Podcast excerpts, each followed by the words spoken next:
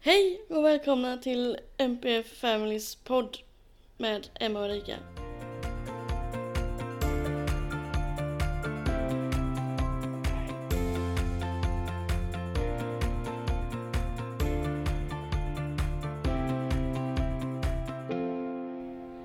Nu är vi här igen. Ja det är vi. Energin är på topp. Jajamän. Hur är läget? Jo, det är bra. Jag är trött men... ehm, Du är trött. Ja. Standard, eh, standardfras. Ja, jag känner att så fort någon frågar mig hur är det? Ja, jag är trött. Eh, det har blivit en, eh, ett standardsvar nu sedan eh, rätt många år tillbaka. Men jag börjar känna att jag börjar bli lite tröttare än vad jag brukar vara. Eh, och det är inte riktigt roligt. Är det inte? det är jobbigt när man är inne i sådana perioder alltså. Inget fungerar och man bara... Ja men, ja men sen så liksom nästa schemaperiod så ska jag jobba en dag mer än vad jag gjort innan och man bara jaha. Det, det blir mindre och mindre luckor eh, bland lediga dagar i schemat och jag tycker det är så tråkigt att se. Jag vill att det ska vara tvärtom, jag vill ha fler lediga dagar men så ser det inte ut. Eh, Jag har ju ett svinbra schema men den kommer ju göras om då januari, februari till den här himla 11 timmars vilan. Ja, du Eh, får... så jag tror att det kommer inte vara till min fördel. Jag kommer inte ha lika många lediga dagar i rad. Nej. För jag har ju så många lediga dagar i rad så jag glömmer bort jobbet. Det är... Så det är väldigt skönt. Ja, njut så Men- länge det varar kan jag säga dig för... ehm, ja. Däremot så min trötthet har ju gått över till att jag är sjuk hela tiden. Jag tror att det utspelar sig på det sättet för mig istället. Mm. Istället för trötthet. Jag är sjuk konstant. Så nu har jag precis haft en öroninfektion. Som var, den verken var ju eh, värre än en förlossning och gallstensanfall tillsammans. Ja, du Eh. har eh, lyckats med det mesta eh, under väldigt kort tid. Jag är lite imponerad där faktiskt. Jag med. Alla barnsjukdomar som jag inte ens har haft någon gång kommer nu. ja. Ja, men jag, jag, alltså ibland så känner jag bara, var är ditt immunförsvar? Har det gått på semester eller? Ja, det har den. Det är min femte penicillinkur på ett halvår. Herregisses. Ja, Resistens. Jag får olika varje gång. ja men precis.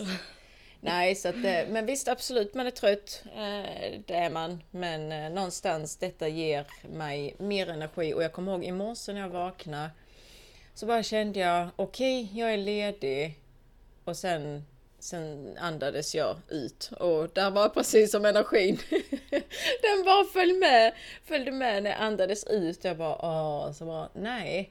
Men efter vårt första avsnitt och pratat lite med dig så känner jag att nej, nu fick jag ännu mer energi och bara ja, nu är jag redo för Ja, dagen. det, är ju, det är ju skönt att den kan tillföra med den biten. Det gör du alltid. Jag är extremt morgontrött nu för tiden. Det har jag aldrig varit. Så jag har... Eh, vaknar alltid på fel sida. Men efter en timme eller två då är jag på banan igen. Mm. Men det tar väldigt lång tid för mig att vakna nu för tiden. Det har det aldrig varit. Så jag har nog blivit för gammal helt enkelt. Ehm, nej, men det, det spåret behöver vi inte rodda i just nu känner jag. För att eh, Nej, nu är vi... senare problem. Ja, alltså nu går vi liksom mot slutet av november, december. Sen blir jag eh, 35 i mars. Så vi kan ju eh, hoppa det va? Vi behöver inte prata. Då ska vi fira detta ordentligt. Nej, det ska vi absolut inte. Nej, nej. Nej, tack. Räcker med ett grattis då. Ah, knappt det. ja, ja. Nej, vad ska vi prata om idag? Ja, jag fick, hade lite idétorka i morse här. ehm, Så jag frågade gubben om han hade någon, någon bra, eh, något bra ämne som vi kunde prata om. Och han kom då på skuggsyskon. För det tror inte jag att vi har nämnt så mycket. Nej, och det är... Vilket är ett otroligt viktigt ämne att prata om. Precis, och det är det faktiskt. Det är väldigt viktigt. Mm. Skuggsyskon är ju då, eh, om man tar ett exempel på att Vilma och Malte går i skuggan av ett syskon som har ett barn med, som har ett barn, som har MPF. Eh, och oftast är det ju de som tar all uppmärksamhet och de får komma lite i skymundan. Ja. Så det tänkte vi ta upp och jag tror att många känner igen sig i det. Både som har äldre syskon och de som är yngre. Mm. Eh, Vilma kan ibland säga till mig att hon också önskade att hon hade autism och IF. För då slapp hon att städa. Jaha. Så det är sådana enkla grejer som eh, kan ställa till det om man känner sig lite extra utsatt Mm. kanske. Jo men absolut. Ehm, och det kommer nog... Alltså, jag tycker det, det tar så mycket på en förälder känslomässigt också. För jag kan inte klona mig. Hur många gånger jag Nej. än vill så kan jag inte klona mig. Och jag vet inte hur många gånger jag liksom försökt ventilera med, med mamma att ja men vad ska jag göra? Jag står här liksom med, med barn på varsin sida. Jag vill vara på båda ställena. Jag vill kunna finnas till för båda lika mycket. Men jag kan Mm, inte. Den är svår.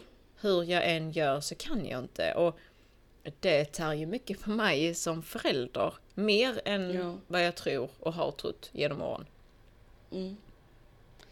Eh, för oss så speglar det mycket att eh, det var mycket i första åren som Liam tog mycket tid. Där Vilma hamnade mycket i skymundan och fick ha mycket barnvakt. För det var ju mer tätare kontakter med sjukhus och eh, med eh, utredningar hitan och ditan. Operationer hitan och ditan, trauman framför allt. Mm. Eh, som har gjort att eh, Vilma ofta får vara hos eh, barnvakten. Nu tycker hon ju det är roligt tack och lov. Och har ingen separationsångest. Men eh, de första veckorna som i Liams liv så träffade vi inte henne på två veckor. Mm. För att vi var tvungna att prioritera honom. Eh, och det är många gånger det har varit så att man åker iväg på en helg för att han behöver eh, undersökas i Lund. Då lämnar man också bort henne. Hon har varit med en gång eh, och det var väldigt påfrestande för oss för eh, man fick aldrig någon vila alls. Eh, hon var väldigt hyperaktiv då kring sjukhus, det var nytt för henne med så man var ju nästan mer tröttare att vara med henne än att vara med Liam just då. Så för oss eh, så har det varit för allas bästa att hon får vara hos någon. Mm. För vems skull ska vi släppa med henne? För att hon ska se hur hur lillebror far illa i sjukvården. Nej, det, nej. Ja, det hade ju gjort henne mer skada. Eh, Ja. Och det, det vet jag också, på tal om eh, sjukhusvistelser och så, eh, har jag också ventilerat med min mamma att ja men sätt henne på, eh, på, eh, på förskola eller på, på fritids eh, för att hon ska inte behöva se sitt, sitt egna syskon gå igenom det som behöver gås igenom. Och liksom det här med med slangar eller med medicinering, övergreppen. Alltså, så att där, hur, hur jobbigt den är för en själv att inte kunna vara med båda eller det här att ja, men jag får lämna iväg eh, stora syster så tror jag nog ändå att Mm. man skyddar ju stora syster i detta fallet från att se lilla syster Mm. i en väldigt sårbar situation. Ja, precis. Och, Man men, märker ju nu när vi haft Liam på kortis i ett år, mm, var fjärde helg, att hur mycket hon har blommat ut då. Eh, när alla barnen är hemma, då tar hon all uppmärksamhet för att få uppmärksamhet. mm, Men när han inte är hemma, då jagar hon inte den uppmärksamheten och blir inte lika hyperaktiv och tjatig som hon brukar vara. Men vi har ju hittat på mycket. Vi har åkt på husvagnssemester två gånger i somras utan Liam när han har varit på gottis. mm. Hon kan göra saker själv då och hon blir inte alls lika stressad för hon får ju ta otroligt mycket ansvar när Liam är med eftersom vi måste lägga fokus på henne. Nu har vi ju fått eh, beviljat ledsagare. Vi har inte fått någon än men vi har blivit beviljade i alla fall. Just av den anledningen att vi kommer ju då lägga mer krut på Vilma och Malte när vi åker på utflykter. Så den andra personen kan lägga krut på Mm. Liam så alla får sin tid var helt enkelt. Ja, alltså det har varit sådana här små saker som till exempel, alltså visst nu har ju Leila aldrig varit eh, som, som liten var hon ju inte intresserad av att till exempel ja, men lära sig simma och så. Ehm, och jag vet ju det att, ja men ska ni inte ta henne till simskola? Ja men alltså, och då blir man så här att okej, okay, hur ska jag kunna ta stora syster till simskolan när lilla syster har, har sin problematik? Jag kan inte ta med lilla syster till en simskola. Men självklart så vill jag ju att stora syster ska gå på simskola. Alltså du vet de här små grejerna för att försöka mm. lappa ihop vardagen. Eh, och nu så är det ju mer det här att stora syster får göra sitt. Det, hon mm. har orkestern och vi, vi är med hästarna och du vet någonstans så har jag behövt skifta att även om Andrea behöver mycket så måste jag låta stora syster få göra sitt för att blomma för att mm. hon har varit undanskuffad i så många år. Och jag har ju försökt ventilera och sen återigen känslomässigt så är det jättesvårt att kunna ventilera med någon som inte förstår vad det är jag egentligen pratar om känslomässigt. Mm. Men som förälder kan man ventilera och just det här alltså skuldkänslorna man har att prioritera ett barn när jag mycket väl vet att jag har ett barn till men att vad jag än gör, hur jag än försöker, så kan jag inte lägga lika mycket prioritering på båda barnen. För det går inte. Hur jag än försöker, Nej. hur jag än gör, så går det inte. Nej, och sen kan det ju handla om det här vardagliga med. Alltså, ett barn vill ju hellre ha en närvarande förälder än att hitta på massa saker. Mm.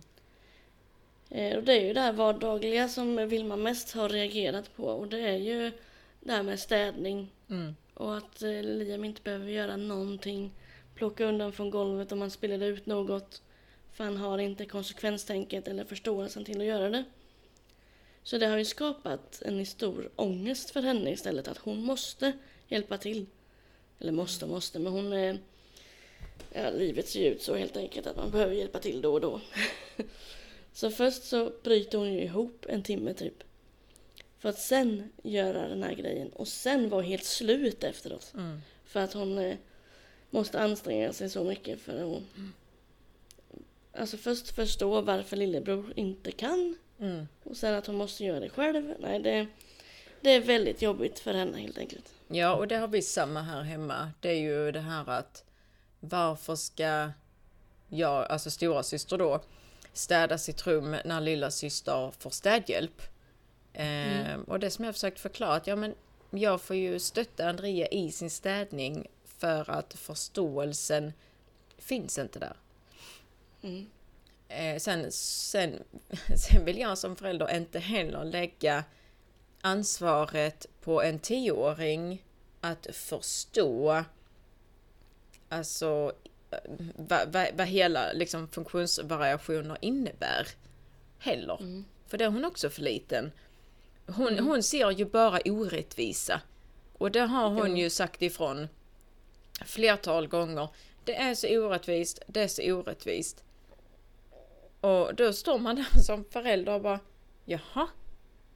Men vad ska jag göra?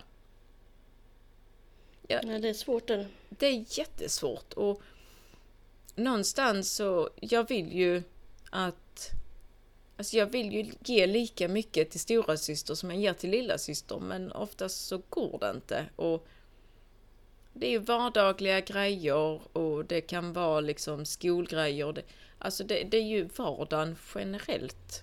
Så blir mm. det hur man än gör så blir hon lite undanskuffad. Ja. Och jag vet om att jag har lyft detta med barnhabiliteringen vi har diskuterat detta år in, år ut. Eh, och innan så var hon lite, då var hon ju för ung för att gå på så här syskongrupper. Eh, ja, det finns ju med. Jag har också tänkt på det, men jag har mm. också känt att Vilma varit för ung, men nu tror jag hon har åldern inne för att kunna förstå det. Ja, eh, och det... Men sen är det så synd här, för att här har ju inte... Det har inte, engagemanget för syskongrupper har inte varit jättestort, så att det har inte hållits igång så som jag önskar att det kanske hade gjort. För det som förklarat för Leila att då får du träffa andra, andra syskon eh, och man kan sitta och prata och man kan berätta hur man faktiskt känner. För det har jag mm. också märkt och det har Leila själv sagt att hon, hon, hon vill inte prata om det negativa när det gäller syster. Mm. Det är ju fint. Ja, så sa jag, men det, det är väl klart. Så att nu, nu kan hon ju komma och säga till mig att Mamma, jag tycker det är så jobbigt. Jag tycker det är jobbigt när syster gör si och så eller mamma får jag säga någonting? Ja, så vad är det? Ja, idag är det jättejobbigt att ha Andrea som syster. Ja, Mm. och det är helt okej att du säger att det är jobbigt för att det är det. Bekräfta Mm. i det hon känner. Så att där har ju Leila, där har vi jobbat jättemycket på det här att du måste berätta vad du känner och hur du känner liksom i Mm. stunden. Och att det är okej att känna så. Och det som jag sa till henne, så sa herregud, du ska bara veta liksom vad jag kände om morbror Christian när jag var liten. Jag tyckte han var den jobbigaste som existerade, för jag hatade att ha en lillebror. Förklara att det är okej att känna som du gör. För att Vad var det med honom då? Blir jag nyfiken här. Min lillebror är den finaste som finns i vuxen ålder. Mm. Nej, Är men det han som bor i Eksjö eller han som bor nära dig? han som bor nära mig. Mm. Vi är ju, eh, vi är väldigt eh, eh, Vi är väldigt lika, eller vi är fruktansvärt lika. Vi är ju, det skiljer inte så många månader mellan oss egentligen. Så att vi är ju extremt så här. Nej men alltså få Eller är det henne, bara ett år på er? ja ett och ett halvt eller något sånt tror jag det. Mm. Nej, så jag har försökt få henne till att förstå att syskon emellan, att man känner så. Men just det här att bekräfta henne att det är okej att känna som du gör. För jag tror också det Mm. är viktigt att få henne till att prata, berätta vad hon känner. Så att man bekräftar henne i det. Men annars så, det, det är jättesvårt. Och jag tror det är så många föräldrar som sitter hemma som har samma situation och känner sig som dåliga föräldrar. Mm. För det har jag gjort genom åren. Jag har känt mig jättedålig och bara... Men jag Det hade... gör man väl hela tiden, inte så ofta man sitter och klappar sig själv på axeln och bara Gud vad bra förälder jag är. Nej, nej men just det här liksom att jag önskar jag hade kunnat klona mig men jag kan inte. Och bara... Ja, nej. Det blir ingen bra dag idag heller. Liksom. Alltså, nej. Nej, nej, det är svårt. Nej, det är många gånger som eh, Vilma säger till mig att hon tycker att det är jobbigt att ha Liam som syskon. mm, Och tycker att det är skitjobbigt att han inte pratar. Eh, och allt annat. Så det är klart man bekräftar i det. Men det är ju fruktansvärt att höra att eh, syskon inte vill att eh, ens annan syskon ska finnas med i familjen. mm, Eh, hon tycker att det är jättejobbigt när eh, han gör ljud. ja. Eh, väldigt mycket ljud och jollrar och allt möjligt och det kan ju vara rätt högt ibland. Så det kan jag ju förstå. Jag själv har ju kopplat bort det för länge sedan och lyssnar inte alls. Men hon har väldigt svårt att eh, koppla bort det så hon tar ju på sig hörlurarna för att slippa hans ljud helt enkelt ibland. Mm. Ja, Leila är, Eh. är ju mycket på sitt rum. När eh, Andrea med håller på med ljud och så. Då går hon ju undan. Men... ehm, Ja, har man inte förmågan av att stänga av så, så är det ju svårt. Viktor har också jättesvårt att stänga av när Liam håller på med ljud, så han har också hörselkåpor på sig ibland. Eh, Men ja, jag kan ju förstå den känslan och det är ändå bra att hon säger det ändå, men ändå fruktansvärt att höra det.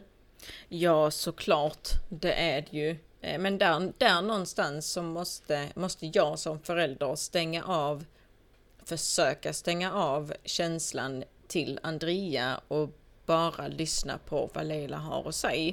Och bara Mm. att, ja men det är okej. Det är okej att du känner som du känner. Mm. Men återigen, det är inte lätt. Nej. någonstans så blir man blir ju skildrad som förälder rent känslomässigt för att en annan är ju tacksam över att ja men att man har de barnen man har och så kommer då det ena syskonet och bara ja men jag vill inte att eh, vi ska ha eh, lilla syster i vår familj. Alltså och det vet jag att Leila har också pratat mycket om att jag önskar att vi hade kunnat göra alla andra saker som familjer gör. Just Mm. det här att åka till, ja men till Liseberg, ja men du vet det som andra eh, familjer gör. De åker på semester, de åker utomlands och de gör Mm. det och de gör det.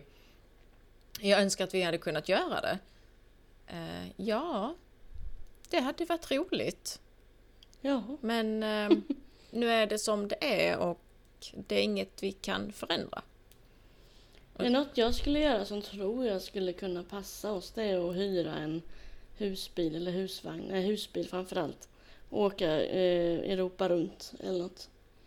Och bila ner till Italien eller något och bo i, i samma ställe allihop. Det skulle jag tänka mig skulle funka men jag skulle aldrig kunna tänka mig att sätta mig på ett flyg med allihopa. Aldrig i livet.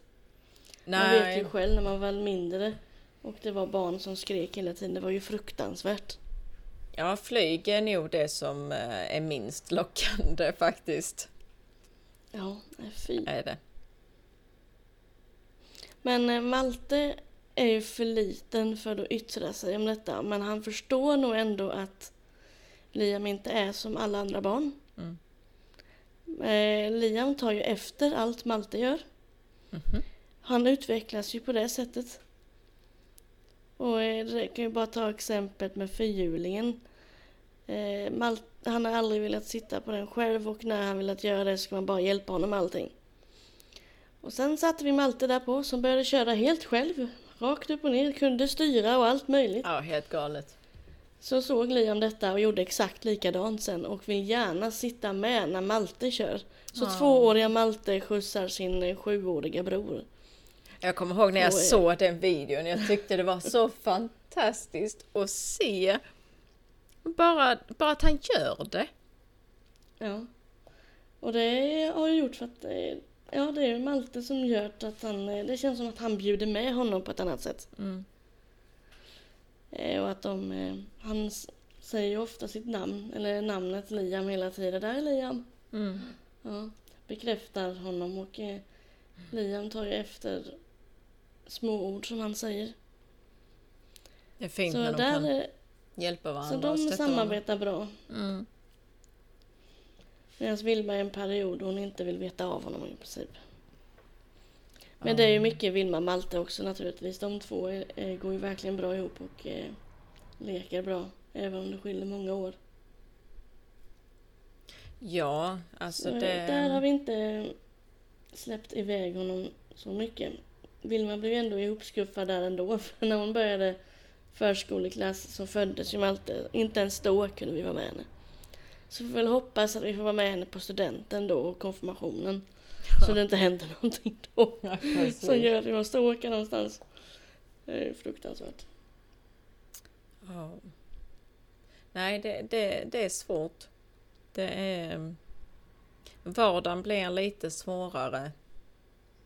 Det blir den. Men... ehm, Men om, om du hade haft ett tips till andra föräldrar, vad hade det, vad hade det varit? Till, med skuggsyskon. Mm. Eh, det är att om man lever i tvåsamhet då och inte ensamstående. Så eh, ge mycket egen tid till det andra barnet. Eh, hitta på mer saker med det barnet. Dela upp er mer även om det är skittråkigt. Vi delar upp oss väldigt mycket. Vilket jag tycker är skittråkigt egentligen. Eh, men det är någonting som måste ske ibland för att alla ska få den tid de behöver. Så eh, dela upp er och eh, ha som vanligt inte för stora krav. Eh, ens egna barn vill inte mer än att bara ha en vuxen i närheten. Sin förälders närhet och tid än att flyga runt på en miljon utflykter här och var. Ja, men precis. De blir nog mer exalterade om eh, man är mer närvarande förälder och åker på en utflykt, utflykt någon gång då och då. Mm. Så det inte blir lika vanligt. Så det inte blir uttjatat som en del eh, familjer lever i. Men det är en rolig utflykt som alla tycker om så är det ju till naturreservat typ. Eh, Tåken till exempel som ligger utanför Ödeshög är ju prinsessan Estelles sagostil. Eh, det är en liten stig man följer, eh, får läsa om en liten kanin. Och dyker upp lite uppstoppade djur här och var och massa annat eh, lekgrejer. Det älskar alla i familjen så man försöker hitta på något och har inte för stora krav på aktiviteter. Det räcker med en sån liten. Och det är okej att vara hemma. Ja. Om det finns möjlighet och kan så försök att ha avlastning till det andra barnet. Typ kortis som vi har en gång i månaden. Det ger jättemycket. Eh, och det hade ju känts jättetungt för våran del om inte han hade trivts där. Men nu verkar det vara det bästa han vet i livet så då känns det mycket bättre och lämna bort honom. Underbart. Så de andra tar plats. Men eh, när, eh, nu har ju inte Andrea sin assistent kvar, men när den fanns fick eh, Leila mer tid då.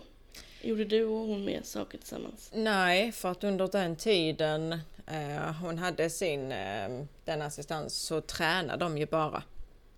Eh, Andrea är ju väldigt reserverad och har väldigt svårt att släppa in andra och tränar gärna på att spendera tid med personen om eh, jag är i närheten. Mm. Eh, och det lyfte jag ju med eh, LSS när de ringde då handläggaren att eh, det blev ju bara att de tränade under den här tiden. Eh, så att det längsta vi kunde åka, det var till Markaryd och det är ju eh, 17 minuter härifrån. Mm. För att Leila ville gå till, eh, jag kommer, det var någon affär hon ville åka till. Eh, och sen därefter så fick vi åka hem. Eh, men hade hon varit kvar och det såklart hon, hon ska vara mammaledig och jag är jätteglad för att hon är mammaledig eh, och allt det här. Ehm, men hade det varit som det hade varit och vi hade fått, mm, eller de hade fått mer tid så i slutändan eh, så hade jag och Leila kunnat få mer tid tillsammans. Svar ja. Mm. Mm. Precis. Men du kan inte göra så att du eh, skickar Andrea till dina föräldrar eller din bror så du och Leila får mer tid? Alltså, mm, jag har testat det en gång och eh, ja, det var ett... Var det förra året eller var det förra året igen? Jag kommer inte riktigt ihåg. Eh, för då kände jag att jag vill spendera mer tid med Leila och jag måste. Jag måste verkligen prioritera henne.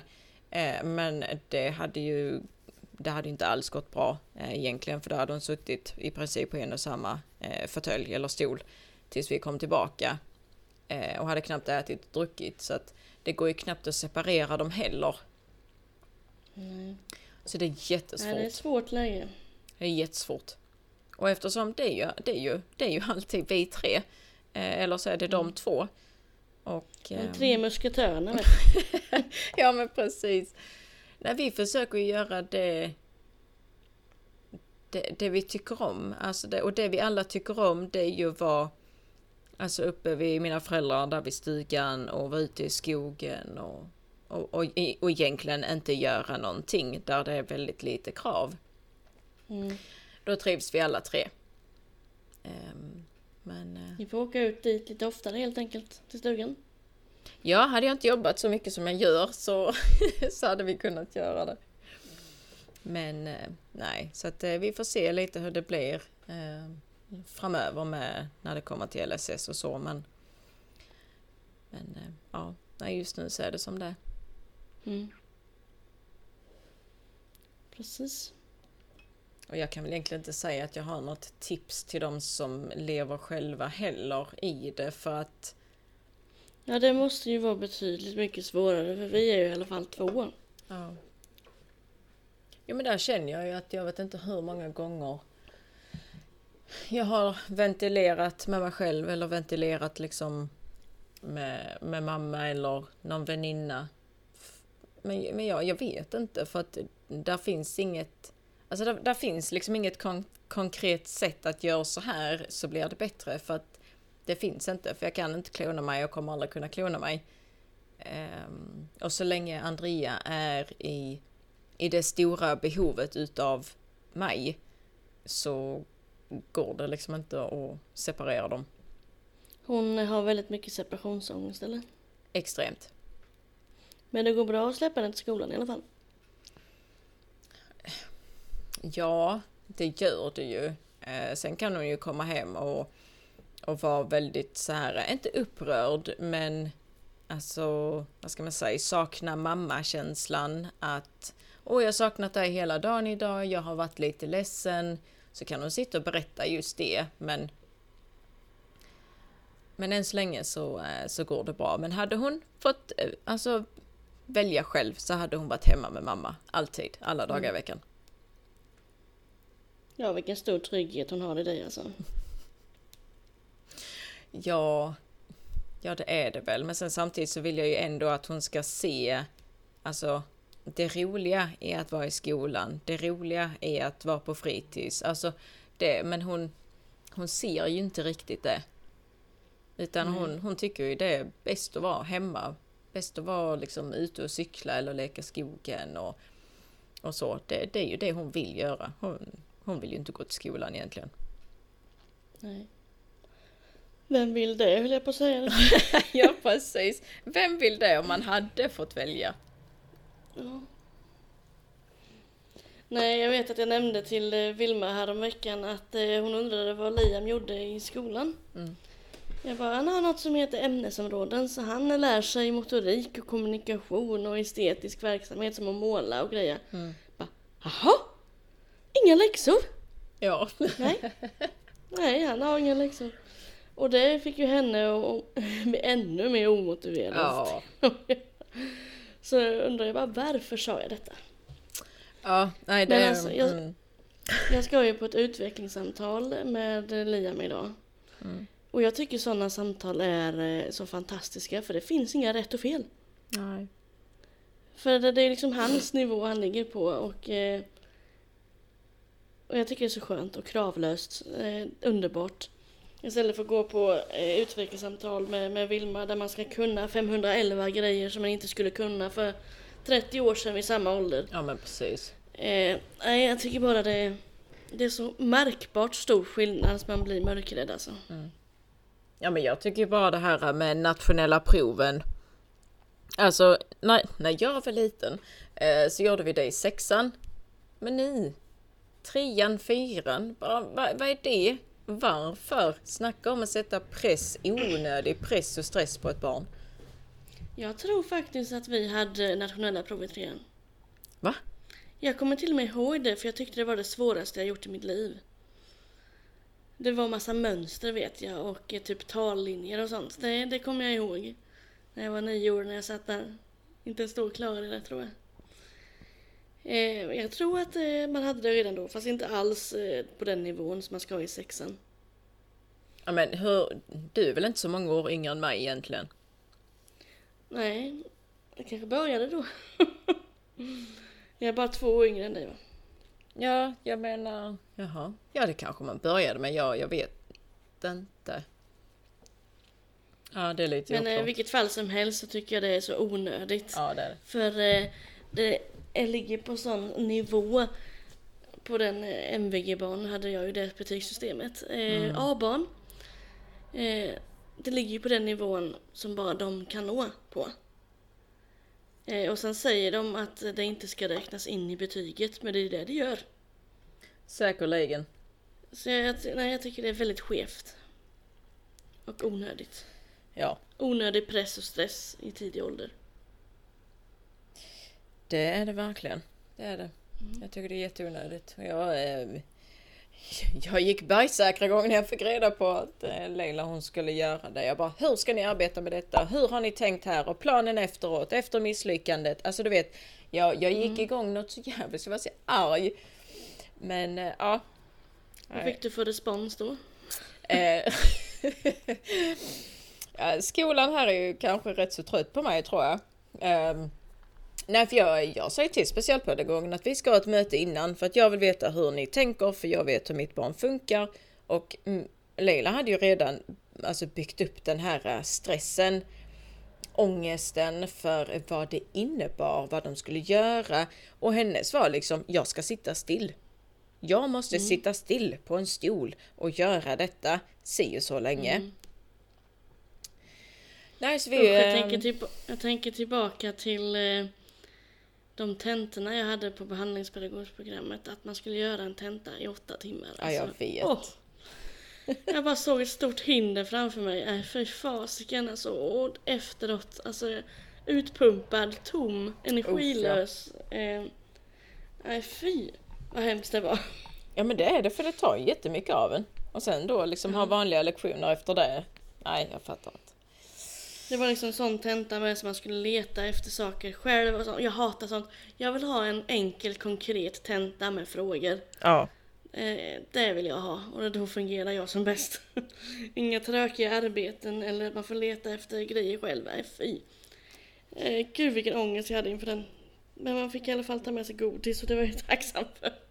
Ja, det sa jag till, till Leila. Så sa jag, ja men sen när ni kommer upp lite i ålder så kommer ni ju få ha med liksom lite godis och dricka och så. Så att det blir ju lite annorlunda ju, ju äldre du blir och eh, annorlunda blir ju tentorna liksom. Men, men ja, nej, det är katastrofalt tycker jag. Man ska inte... Men eh, vad tycker du är den största skillnaden på anpassa grundskola och eh, skolan? Och vad tycker du att eh, den vanliga skolan ska ta med sig från anpassad grundskola? Nu eh, skulle vi prata om skuggsyskon, men det handlar ju om skolan också, för det är ju en annan typ av skola, lättare än vad de gör. Den största skillnaden det är att anpassad grundskola arbetar utifrån eh, personcentrerat. Um, det håller jag med fullständigt om. Ja, och de arbetar extremt mycket när det gäller bemötande. Mm. Eh, och det gör ju definitivt inte den vanliga skolan. Eh, hur mycket de än vill uttrycka att de arbetar personcentrerat så med sån här individuell läro, handlingsplan, bla bla bla bla bla, gud vet vad de benämner det som. Det gör de inte, absolut inte. Eh, bemötande, där är en hel del, nu kan jag bara prata utifrån mina erfarenheter med skolan, mm. att där är så många som arbetar i skolans värld som jag bara hade velat bara plocka bort därifrån för att deras bemötande är skrämmande. Fullständigt katastrofalt. De ska inte ens befinna sig... Jag tycker inte ens de ska arbeta med människor. Men de är lärare. Mm. Så att... Eh... En del tar nog det någon form av makt, samma som läkare tror jag. Ja. Någon form av maktposition. Så att skolan behöver ju börja med att arbeta med bemötande. Se barnet. Minst. Se barnet, barnets behov. Barnet, alltså barnets rättigheter. Men också att barnet är en egen individ. Var inte mm. den vuxna som alltid har rätt. Utan se barnet få barnet till att vara delaktig i allt. Mm. Och bekräfta. Skolan, skolans personal bör läsa barn och ungdomspsykologi. Arbeta med att bekräfta barnet i känslan den befinner sig just nu. Och inte vara mm. den vuxna som bara, äh, nej men det är väl ingenting. Och genom det att förneka barnet i känslan. Mm precis. Nu svävade vi ut lite där. Som alltid. Det är så roligt att sväva ut när det, och alltid kul vart man hamnar i slutändan.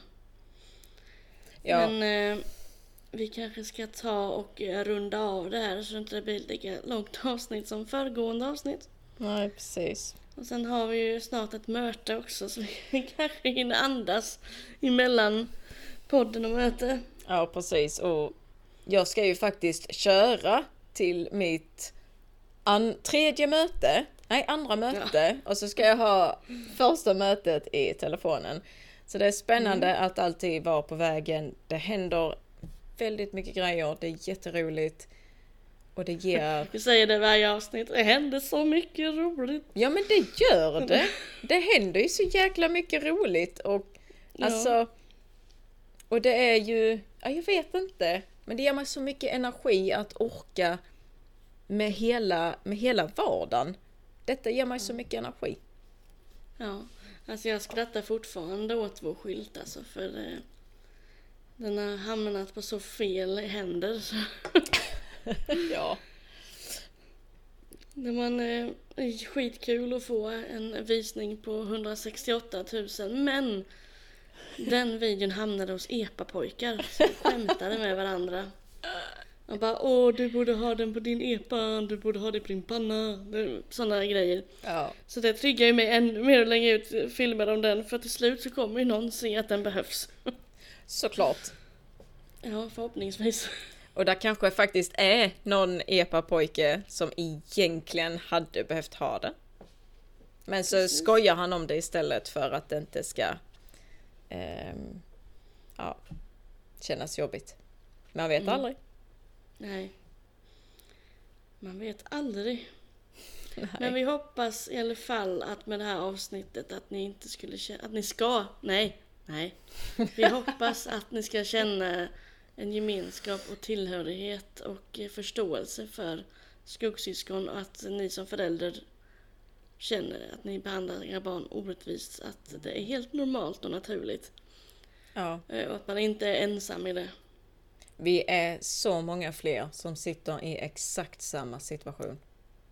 Ja, Och det är därför mycket NPF Family gruppsamtalen.